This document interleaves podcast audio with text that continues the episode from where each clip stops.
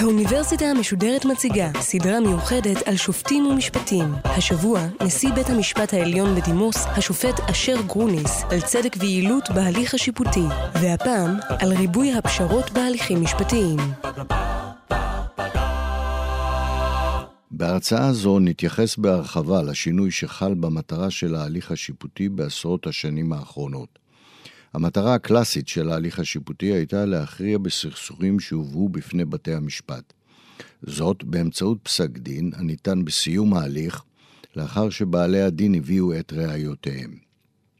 אף שמטרה זו נותרה בעינה, בצידה התפתחה מטרה נוספת, והיא להביא ליישוב הסכסוכים או לפתרונם לאו דווקא על דרך מתן פסק דין בעקבות שמיעת המשפט.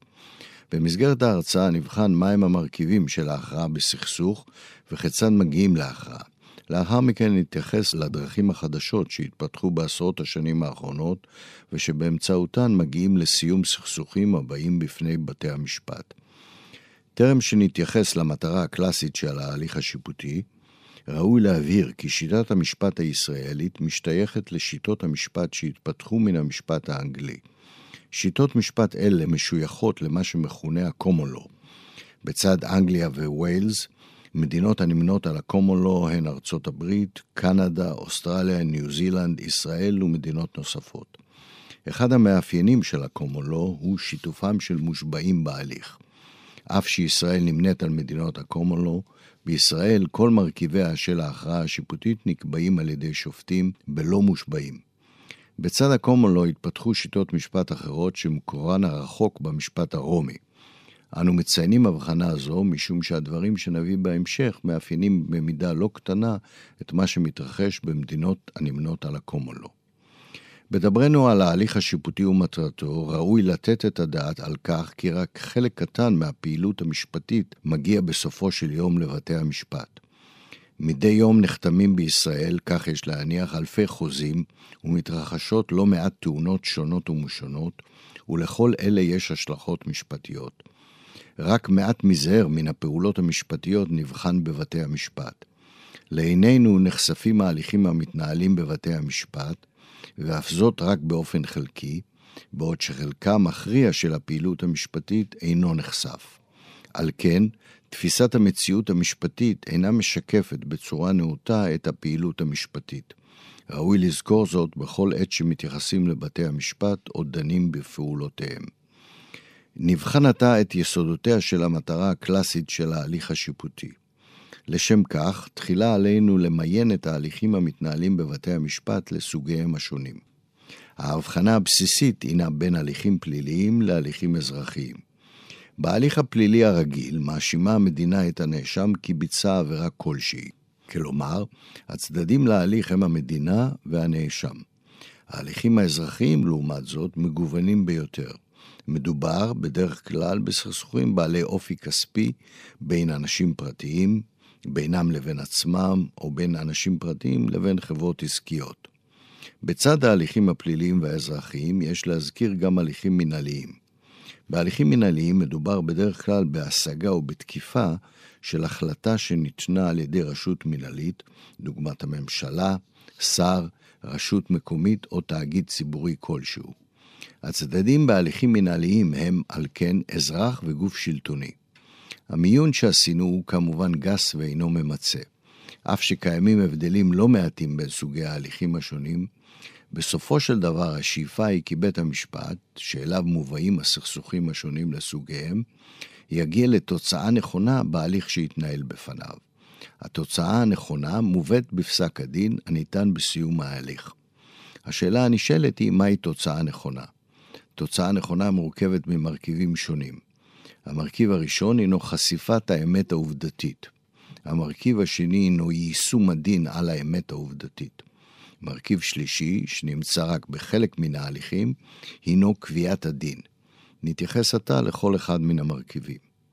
התפקיד הראשוני של הערכאה הדיונית, זו שבפניה מתנהל המשפט, הינו לקבוע ממצאים עובדתיים.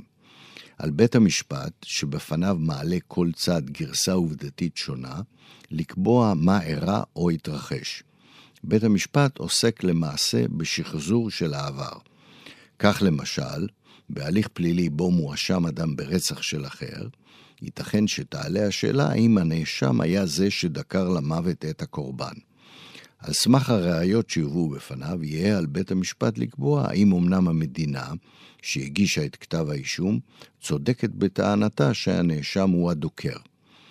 אם בית המשפט ימצא שהנאשם הוא הדוקר, וכי נתקיימו כל המרכיבים האחרים של עבירת הרצח, הוא ירשיע את הנאשם בביצוע העבירה. משמע בית המשפט מיישם את הדין על ממצאי העובדה שנקבעו על ידו. כאמור, לעתים התשובה לשאלה מהו הדין אינה ברורה. במקרים אלה על בית המשפט לקבוע אף מהו הדין, ואז ליישמו על העובדות שנקבעו על ידו. נחזור עתה למרכיב הראשון בהכרעה השיפוטית. זה העוסק בקביעה מה אירע מבחינה עובדתית. לעתים נשמעת האמירה כי קיים פער בין האמת העובדתית לאמת המשפטית. האמירה מכוונת לכך שלפעמים קביעתו של בית המשפט מה אירע אינה תואמת את שהתרחש למעשה. הייתכן שממצאיו וקביעותיו של בית המשפט באשר לאירועי עבר לא ישקפו במדויק את ההתרחשות? התשובה, אולי למרבה ההפתעה, היא שאכן אפשרי שיהיה פער בין תיאור המציאות על ידי בית המשפט לבין המציאות. אין כוונתנו למקרה של טעות שנפלה מתחת ידי בית המשפט, והרי טעות אפשרית בכל עשייה אנושית. הכוונה היא לסיטואציות בהן כללי המשחק על פיהם פועלים בתי המשפט, מביאים לכך שלא כל הראיות או ההוכחות הרלוונטיות מובאות בפני בית המשפט, ועל כן ממצאיו סוטים מן המציאות העובדתית. ראשית, הכלל הנוהג בקומולו, וגם בישראל כמדינת קומולו, הוא שבעלי הדין שולטים על הבאת הראיות בפני בית המשפט. לעומת זאת, בית המשפט נותר פסיבי בכל הנוגע לאיסוף הראיות, ורק במקרים חריגים ביותר יפעל מיוזמתו להבאת ראיות.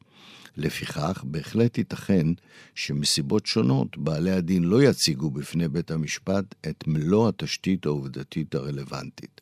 שנית, דיני הראיות, היינו הדינים הקובעים אילו הוכחות ניתן להביא בפני בית המשפט, אוסרים הצגת ראיות מסוימות בפני בית המשפט. כך למשל, קיים כלל האוסר הבאת עדות מכלי שני, מה שמכונה עדות שמיעה. לאמור, עד במשפט אינו רשאי להעיד על מה ששמע מאדם אחר שתיאר בפני העד מה ראה באירוע הרלוונטי למשפט. ההסבר לאיסור זה על עדות שמיעה הוא שהדין יוצא מנקודת הנחה שלא ניתן לסמוך על אמינותה ומהימנותה של עדות מכלי שני. דוגמה אחרת לכללים המונעים אפשרות להביא ראייה רלוונטית הם הכללים הנוגעים לכשרותם של עדים או דיני החיסיון.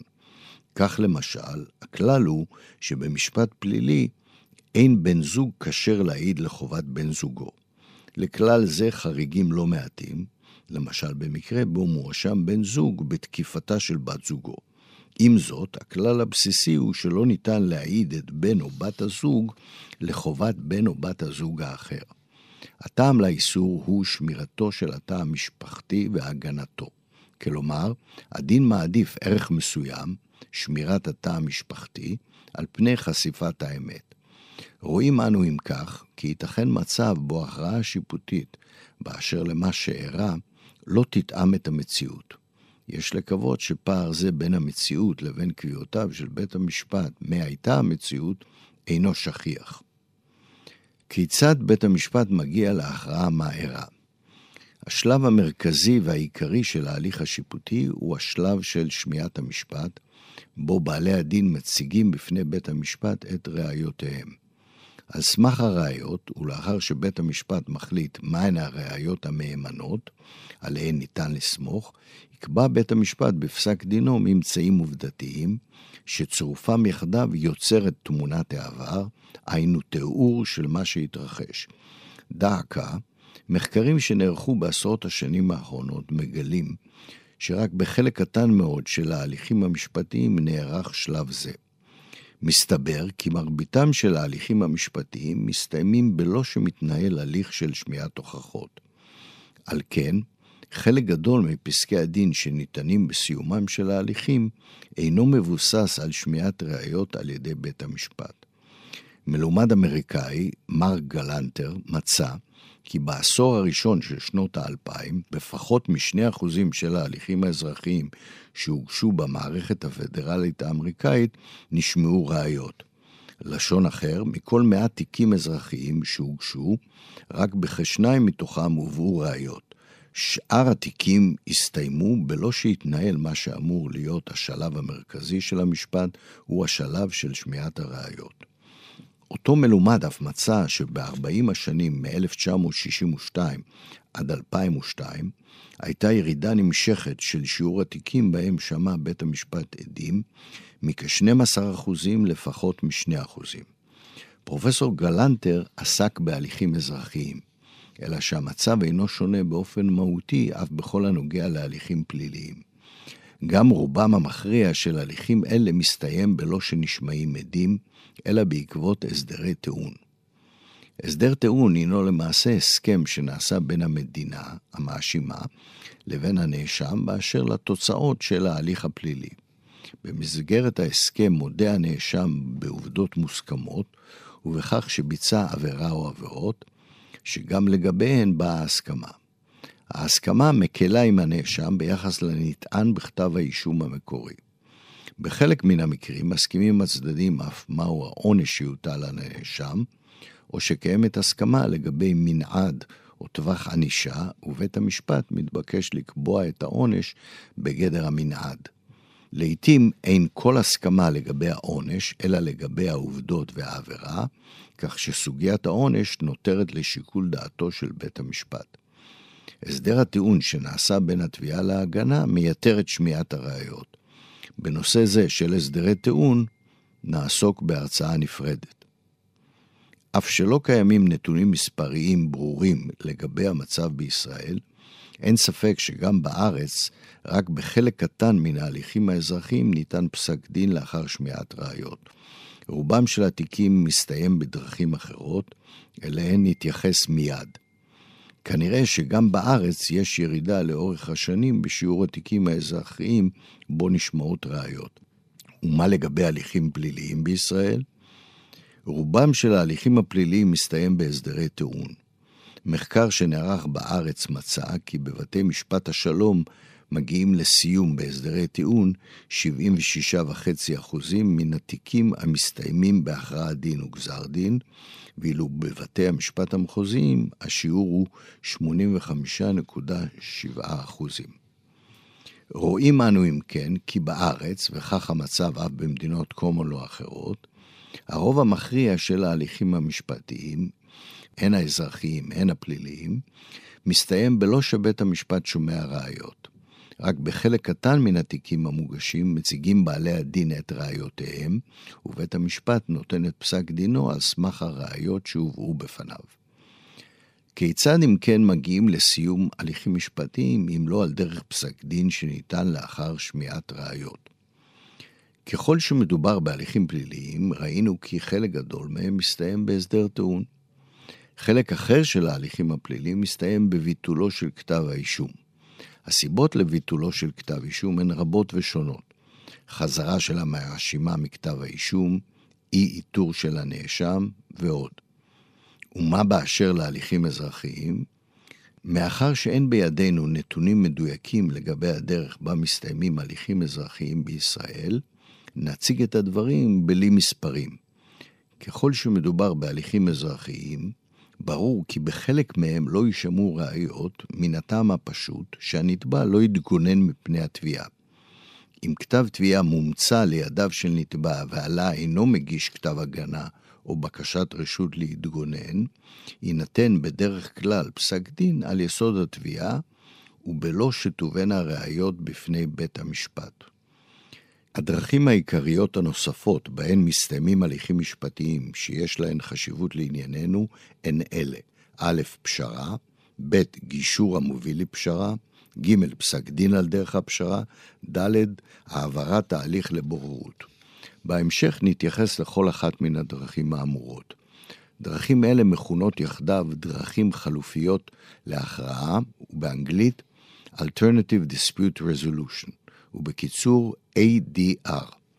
לפני שנידרש לדרכים החלופיות בהם מסתיימים הליכים אזרחיים בלא שמיעת ראיות, ראוי להתייחס לתופעה קשורה, והיא מידת המעורבות של השופט או השופטת בהליך. הכלל המסורתי בקומולו, בהליכים פליליים ובהליכים אזרחיים כאחד, הוא שבעלי הדין הם האחראים לניהולו של ההליך, בעוד השופט או השופטת אמורים להיוותר פסיביים בבחינת ישחקו הנערים לפנינו. כל המצוי בנעשה בהליכים משפטיים בישראל בעשרות השנים האחרונות, בוודאי נתן דעתו על שינוי גדול במעורבות של השופט או השופטת בהליכים. כיום השופטים מעורבים בניהול ההליכים במידה עמוקה יותר מאשר לפני עשרות שנים. ניתן לומר זאת בצורה בוטה משהו, שכיום השופטים מנהלים את ההליכים, בעוד שבעבר הרחוק בעלי הדין, או ביתר דיוק פרקליטיהם, הם שניהלו את ההליך. המעורבות הגדולה של השופטים בהליך אינה מוצאת ביטוי משמעותי בעת שמיעת הראיות, באותם תיקים מעטים יחסית בהם מביאים בעלי הדין את ראיותיהם. המעורבות המשמעותית של השופטים נעשית לפני שמיעת הראיות, במטרה להביא לכך שההליך יסתיים בלא שיהיה צורך לשמוע ראיות. בהקשר זה ראוי ליתן את הדעת לסוגיה של משאב הזמן השיפוטי. אין ספק שהשלב של המשפט בו נשמעות הראיות הינו צרכן זמן משמעותי. אם נשמעות ראיות, ואם על בית המשפט ליתן פסק דין רגיל על סמך הראיות, עליו להקדיש זמן משמעותי הן לצורך השמיעה, הן לכתיבת פסק הדין. מאחר שכל שופט או שופטת אמורים לטפל במספר גדול של תיקים, אין ספק שיחסך זמן שיפוטי רב אם ההליך יסתיים בלא שמיעת ראיות, ובלא שהשופט או השופטת יידרשו ליתן פסק דין מפורט על סמך הראיות. ונקודה נוספת, בית המשפט נדרש לסיים את ההליך תוך זמן סביר. אין שום אפשרות לקיים דרישה זו אם על בית המשפט לשמוע ראיות בחלק נכבד מן התיקים המתנהלים בפניו. כלומר, סיומם של משפטים בשלב מוקדם בלא שמיעת ראיות, תורם תרומה רבה לכך שההליכים יסתיימו תוך זמן סביר. מכאן שקיים אינטרס ציבורי משמעותי כי לא בכל תיק ותיק המתנהל בבתי המשפט יישמעו ראיות, וכי לא בכל תיק יינתן פסק דין בסיום ההליך על סמך הראיות. כפי שראינו, חלק נכבד מן ההליכים המשפטיים מסתיים בלא שמיעת ראיות ובלא שפסק הדין ניתן על יסודן של הראיות שהוצגו בפניו. הזכרנו את הנושא של הסדרי טיעון בתחום הפלילי ולא נוסיף. נתייחס עתה לתחום האזרחי, בו חלק מן התיקים מסתיים בפשרה, בהסדר פשרה בעקבות גישור, בפסק דין על דרך הפשרה, או עם העברת ההליך לבוררות. הליך אזרחי עשוי להסתיים בהסדר מוסכם, אליו הגיעו בעלי הדין בעצמם, ולעיתים בסיוע השופט או השופטת. הסדר מוסכם כזה, שנעשה בלא מעורבות של גורם חיצוני, הוא הפשרה. כאשר בעלי הדין מגיעים להסדר פשרה, מסתיים ההליך, בדרך כלל בכך שבית המשפט נותן תוקף של פסק דין לפשרה. אכן, ייתכן שבעלי הדין יתפשרו במהלך שמיעת הראיות, או אף לאחר שנשמעו ההוכחות. אך כמובן שמבחינת כל המעורבים, בעלי הדין, פרקליטיהם ובית המשפט, רצוי שהפשרה תושג בשלב מוקדם ככל האפשר, בוודאי לפני שמיעת הראיות.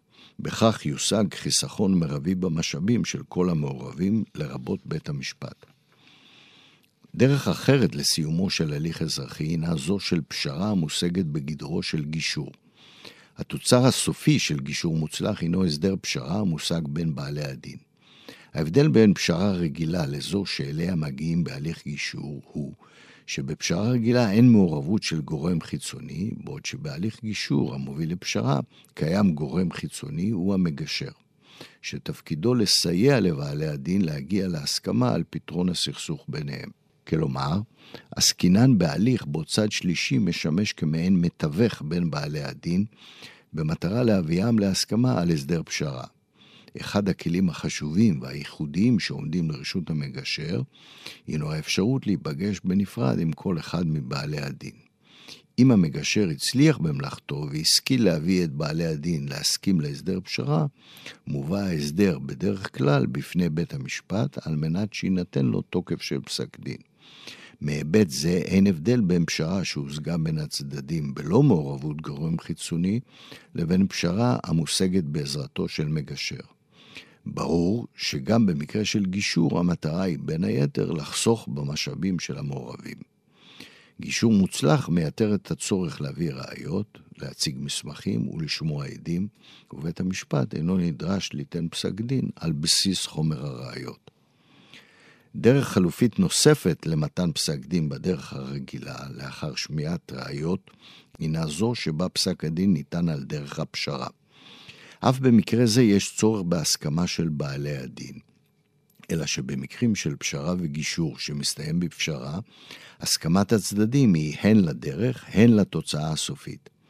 לעומת זאת, במקרה של פסק דין על דרך הפשרה, ההכרעה הינה הכרעה של בית המשפט, אולם היא ניתנת בפשרה. במילים אחרות, בעלי הדין מסכימים שבית המשפט יכריע במחלוקת ביניהם לאו דווקא על פי הדין, אלא על פי מיטב הכרתו באשר לתוצאה הצודקת. מדוע שבעלי הדין יסכימו שבית המשפט יכריע בסכסוך שביניהם על דרך של פשרה? נראה שהסיבה העיקרית למתן הסכמה לדרך זו הינה הקטנת הסיכונים של כל צד. ההכרעה השיפוטית הרגילה היא במקרים רבים, אך לא תמיד, בינארית. צד אחד זוכה, ואילו הצד האחר מפסיד. בבחינת הכל או לא כלום. ההכרעה על דרך הפשרה מאפשרת לבית המשפט ליתן משקל נכבד יותר לשיקולי צדק, במיוחד באותם מקרים בהם הוא סבור שהתמונה אינה שחור או לבן, אלא בגוונים של אפור. בעלי הדין אף יכולים להסכים על ויתור על הבאת ראיות או על צמצומה של מסכת הראיות שיביא כל צד, בטרם יינתן פסק דין על דרך הפשרה. כך אף ניתן לחסוך במשאבים של בעלי הדין ושל בית המשפט. הדרך החלופית האחרונה במשפט האזרחי, אותה נזכיר, הינה בוררות. אנשים שיש ביניהם יחסים משפטיים רשאים ככלל להסכים כי סכסוך ביניהם שהובא בפני בית המשפט יוכרע על ידי גורם שאינו משתייך לרשות השופטת. בהרצאה זו אנו עוסקים בתיקים המוגשים לבתי המשפט לאחר שמתגלה סכסוך. או אז ניתן להסכים שההכרעה תצא מתחת ידי גורם אחר שאינו בית המשפט. ברם יש לזכור שהסכמה לפנות לבוררות יכולה להינתן אף לפני פרוץ סכסוך, או לאחר שנתגלה, אך לפני שאחד הצדדים פנה לבית המשפט. במסגרת ההסכמה לפנות לבוררות, ניתן אף להסכים על זהות הבורר, או על דרך מינויו, על סדרי הדין שיחולו, ואף על הדין שיחול. מלומדים שונים מבקרים את השינויים שחלו בהליכים המשפטיים, פליליים ואזרחיים כאחד, שחלקם הגדול מסתיים בלא שפסק הדין ניתן על יסוד הראיות שהובאו, אלא על בסיס הסכמתם של בעלי הדין.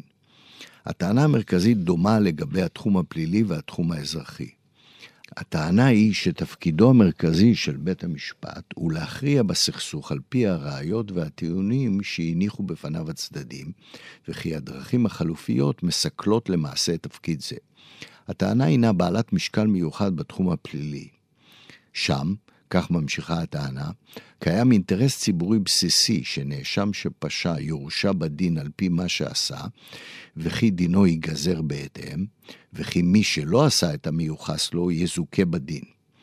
לפי הטענה, קיים חשש ממשי שבהליכים פליליים יסכים נאשם חף מפשע כי יורשע בדין, וכן לעונש מקל, רק בשל לחצים פנימיים, בעיקר חשש מהרשעה שלא כדין ומעונש חמור, ובשל לחצים חיצוניים של פרקליטו ושל בית המשפט. יש להודות כי בתחום הפלילי אין תשובה טובה לביקורת, ובמיוחד לחשש מפני הרשעתו של החף בגדר הסדר טיעון. עם זאת, יש לזכור שניתן היה לפתור את הבעיה, ולו באופן חלקי, על דרך הקצאה מסיבית של משאבים נוספים לרשות השופטת. ביטול האפשרות של הסדרי טיעון ושל הדרכים החלופיות הקיימות בתחום האזרחי בלא תוספת כזו, יביא לכך שההליכים יימשכו שנים רבות ויגיעו לסיומם לאחר חלוף תקופה ארוכה מאוד מעת הגשתו של כתב האישום ושל כתב התביעה. המשמעות של התמשכות הליכים בתחום הפלילי הינה כמובן קשה מאוד לאור האינטרס הציבורי באכיפתו של המשפט הפלילי, ולא פחות מכך לאור האינטרס הציבורי והאינטרס הפרטי שהחרב מעל ראשו של נאשם לא תהא תלויה שם במשך שנים. גם בתחום האזרחי אין לקבל שבעלי הדין ימתינו תקופה ארוכה מאוד עד לסיומם של ההליכים. התארכותם של הליכים אזרחיים עלולה לפגוע באינטרס של בעלי הדין בפתרון הסכסוך בהקדם, והיא עלולה לעיתים לפגום באפקטיביות ההכרעה. יתרה מכך, הדבר עלול לכרסם באמון שרוכש הציבור למערכת המשפט וליכולתה למלא ביעילות את תפקידה להביא לסיום סכסוכים. עם זאת, יש לזכור שבסופו של דבר הן הסדרי טיעון, הן הדרכים החלופיות הקיימות בתחום האזרחי, תלויות בהסכמה של הצדדים להליך. לכל אדם נתונה אוטונומיה להחליט כיצד יוכרע הסכסוך שהוצד לו ואשר הונח בפני הרשות השופטת. האם בדרך הרגילה, או באמצעות הסכמה עם הצד האחר. התייחסנו לעניין לגבי התחום הפלילי, ועתה נבחן את התחום האזרחי. בעוד שבתחום הפלילי פערי הכוחות בין המדינה לפרט הם מובנים, הרי לא ניתן לומר זאת לגבי התחום האזרחי. נכון שגם בתחום האזרחי קיימים לעיתים פערי כוחות, במיוחד כאשר אחד הצדדים הוא שחקן חוזר, היינו הינו בעל דין בתיקים רבים, או בעל דין שלו משאבים רבים בהרבה מאלה של יריבו. דוגמה לשחקן חוזר הינו בנק, חברת ביטוח, חברת סלולר או המדינה. הטענה היא שלשחקן החוזר יתרון רב כאשר ההליך מסתיים באחת מן הדרכים החלופיות, למשל פשרה. ברם, פער הכוחות הקיים בין שני בעלי הדין עשוי למצוא ביטוי אף אם לא נעשה שימוש באחת הדרכים החלופיות, וכאשר ההליך מגיע לסיום בדרך הרגילה של ההכרעה השיפוטית על יסוד חומר הראיות. בנוסף, כאשר מדובר בשחקן חזק או בעל משאבים רבים, עשוי להיות לו יתרון מסוים בהליך הרגיל, משום שקל לו יותר להחזיק מעמד בהליך שנמשך זמן רב.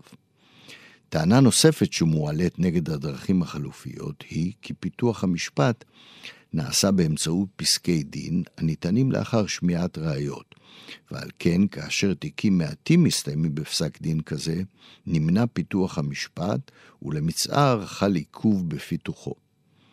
אכן, במדינות הקומולו יש חשיבות עצומה לתרומה של בתי המשפט, במיוחד ערכאות הערעור, לפיתוחו של המשפט.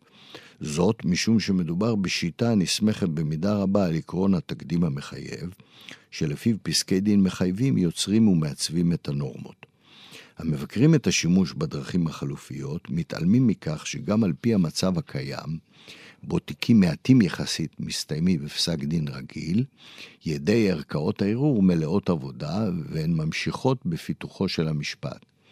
אין לצפות שנגיע אי פעם בעתיד למצב בו כל ההליכים המשפטיים, פליליים ואזרחיים, יסתיימו בלא שיהיה על בתי המשפט ליתן פסקי דין לאחר שמיעת ראיות. כלומר, חלק, אם כי קטן, מן ההליכים שנפתחו הסתיימו בפסקי דין שיינתנו בדרך הרגילה, היינו על בסיס הראיות שיובאו. די יהיה באלה על מנת להביא להמשך פיתוחו של המשפט. לסיכום, בעשרות השנים האחרונות חלו שינויים באופיים של ההליכים המשפטיים.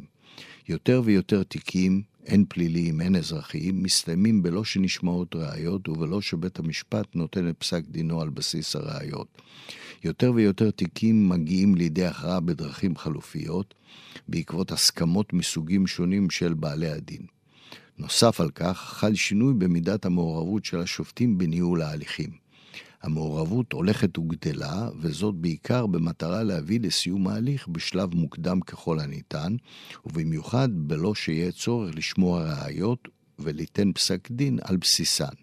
היתרון המרכזי המושג הוא חיסכון במשאבים פרטיים וציבוריים, בנוסף ליתרונות חברתיים שונים. Ba-da-ba-ba-ba